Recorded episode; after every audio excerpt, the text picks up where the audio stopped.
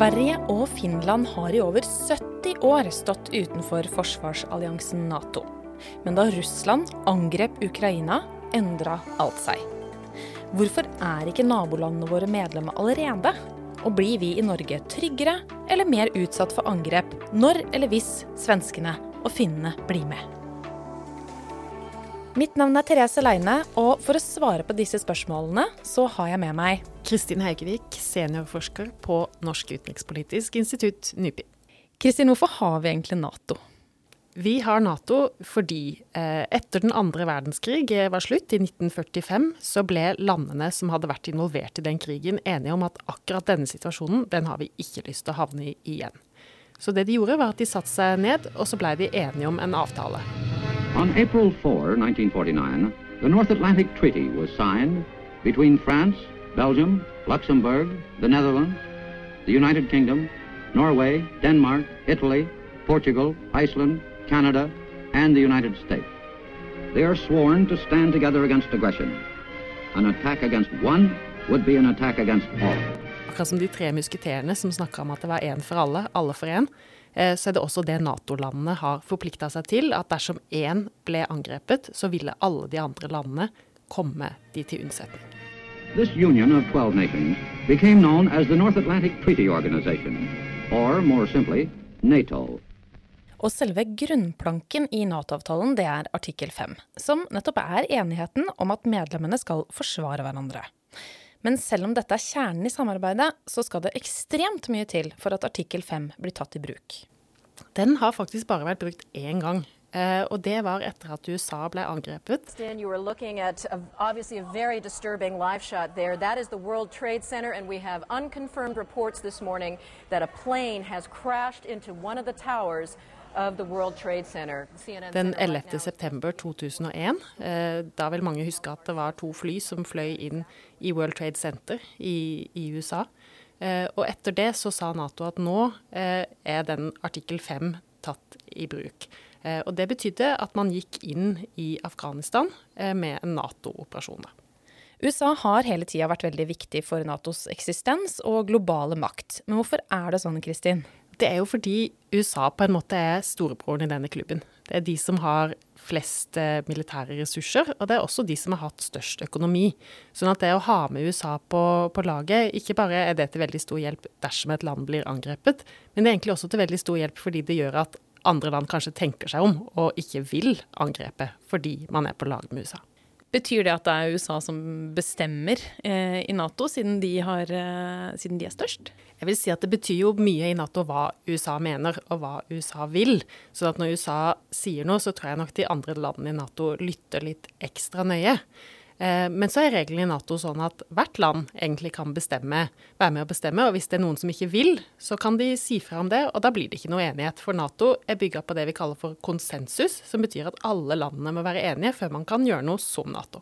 Og det er dette som vi kaller konsensusprinsippet, altså at alle må være enige, som har skapt problemer for Sverige og Finland den siste tida. Det kommer vi veldig snart tilbake til. Men først, Kristin. Hvorfor er det sånn at Norge har vært medlem av Nato i over 70 år, mens eh, Finland og Sverige har holdt seg utafor?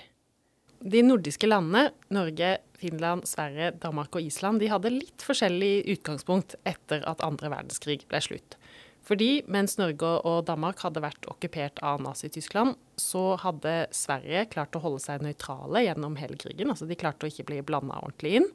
Eh, mens Finland de gikk til krig mot Sovjetunionen med Nazi-Tyskland etter hvert på laget. og Det hadde litt å gjøre med Finlands historie.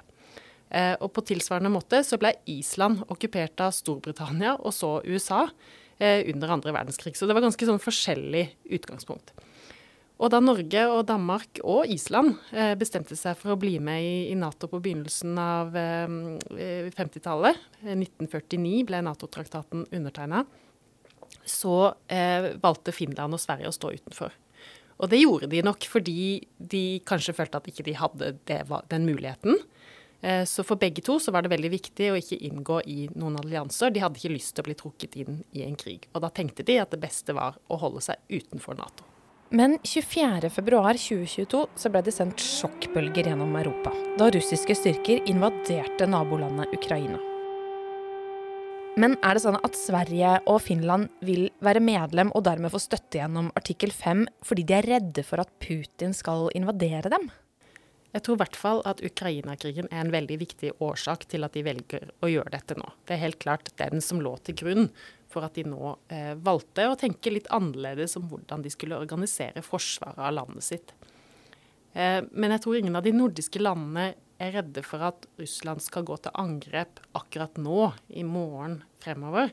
Eh, og en av grunnene til det er at krigen i Ukraina har rammet ramma eh, Russland og Russlands militære ressurser, Russlands økonomi, mye hardere enn jeg tror lederskapet i Russland kanskje hadde sett for seg. Men likevel så ser nok både Finland og Sverige på dette som en sånn viktig måte å passe på at de vil være trygge i fremtiden, og at da er det tryggest å være med i det forsvarsfellesskapet som Nato er. Finlands president han var faktisk i Norge for ikke så altfor lenge siden. Var og besøkte NUPI på et seminar her i Oslo.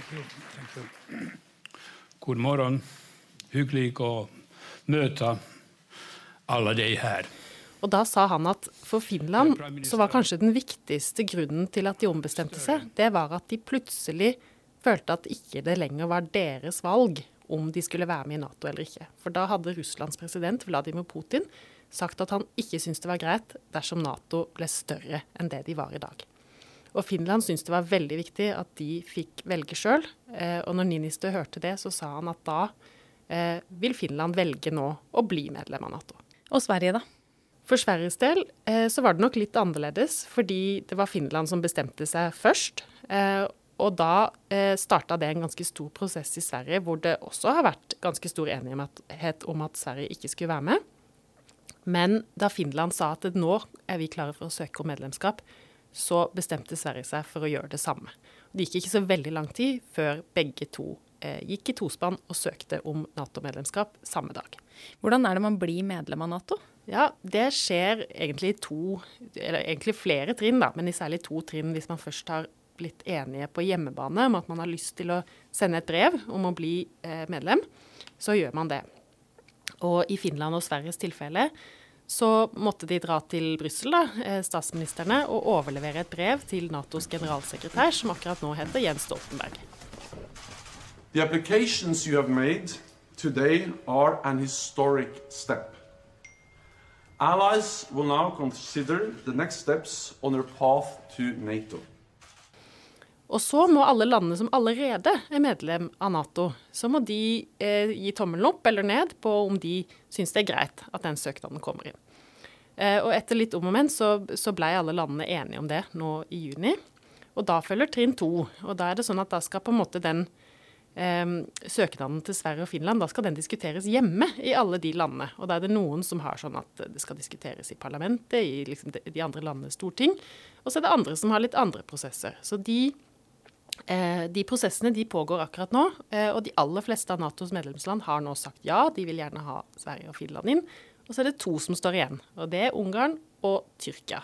De fleste trodde at dette skulle bli en enkel prosess, men Ungarn og Tyrkia har stukket kjepper i hjulene for Nato-utvidelsen. Og det er det mange som er overraska over. Ja, Det kom nok litt overraskende både på den svenske og den finske regjeringen. fordi begge to hadde egentlig vært eh, litt eh, ute i forkant før de sendte brev om eh, å, å, få lov til å bli med i, i, Nato. Så mente de at de hadde fått signaler fra alle Nato-landene om at det var greit at de skulle få lov til å bli ønska velkommen i denne Nato-klubben.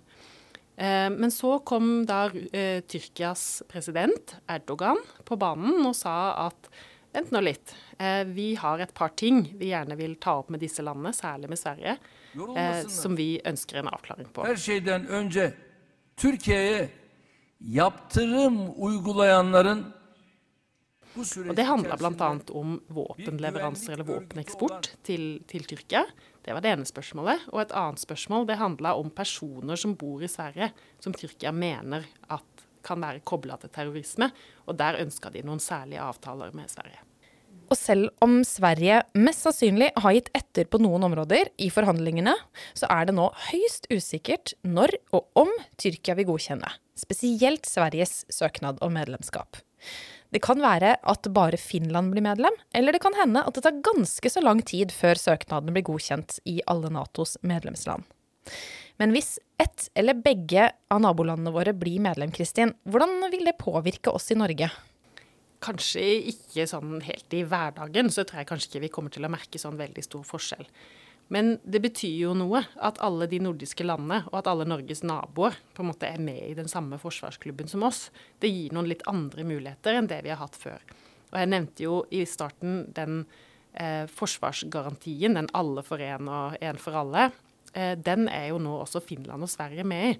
Sånn at dersom det skulle skje noe i, et av de tre landene, så står man på en måte litt mer sammen om det enn det man gjorde før. Selv om de nordiske landene alltid har hatt et, et godt samarbeid, eh, så har det hele tida vært et skille med at Norge har vært med i Nato, mens Finland og Sverige ikke har vært det. Blir det farligere eller tryggere for oss i Norge med Finland og Sverige i Nato? I utgangspunktet så mener vel både politikerne og, og de fleste forskere også at, eh, at, det kanskje blir mer trygt fordi, eh, fordi, disse landene nå står sammen og har samme, samme, politikk, og at det også gjør at eh, ikke bare at man kan forsvare seg bedre, men også kanskje at det blir enda et hakk mer risikabelt å angripe et av de landene. For da vet man at de har en hel gjeng i, i ryggen. Og så vil det jo være noen kritikere som sier at hvis Finland og Sverige blir med, Eh, så kanskje det gjør Russland veldig sint, og at de da eh, vil gå til angrep. Men foreløpig er det ingenting som tyder på det. Men hvordan vil dette her påvirke Nato, da, når det kommer to flere medlemmer? Jeg nevnte jo det innledningsvis at Nato, eh, så er det sånn at hovedregelen er at alle skal være enige før man gjør noe som Nato. Så når det kommer to land til inn i den klubben, så kan jo det bli enda vanskeligere å finne en enighet mellom alle Nato-landene. Eh, og da kan man også se for seg kanskje at landene i Nato har litt forskjellige interesser. Kanskje de landene som ligger nord i Europa er opptatt av litt andre ting enn de som er i sør. F.eks. så er det jo i nord at man har Russland som nabo, primært. Eh, og da kan det bli sånne klubber i klubben. Og det kan jo Nato kanskje være litt bekymra for, for de vil jo helst at alle landene skal være opptatt av det samme. Men så vil jo mange si også at det at Nato er større, betyr jo også at Nato får Da er det flere land som kan bidra, det er flere land som har soldater dersom det skulle trengs, og det er også flere land som har penger. Eh, og både Finland og Sverige er jo sånne land som det står godt til i. De er på en måte land som allerede passer ganske godt inn i Nato. De har på en måte like måter å gjøre ting på. Eh, og det vil de jo i Nato si at det er veldig positivt å få med to til. Tusen takk, Kristin Haugevik, seniorforsker i NUPI, for denne gjennomgangen av verdens største og sterkeste militærallianse, som muligens blir enda større og sterkere om ikke så lenge. Denne podkasten er basert på en artikkel fra NUPIs artikkelserie Hvor hender det? Hvis du er interessert i å lære mer om Nato, eller hvis du vil lese andre artikler om utenrikspolitikk, så kan du besøke oss på nupi.no. slash skole. Og hvis du vil høre flere podkastepisoder, så kan du søke på Hvor hender det? i din podkastapp. Takk for at du hørte på.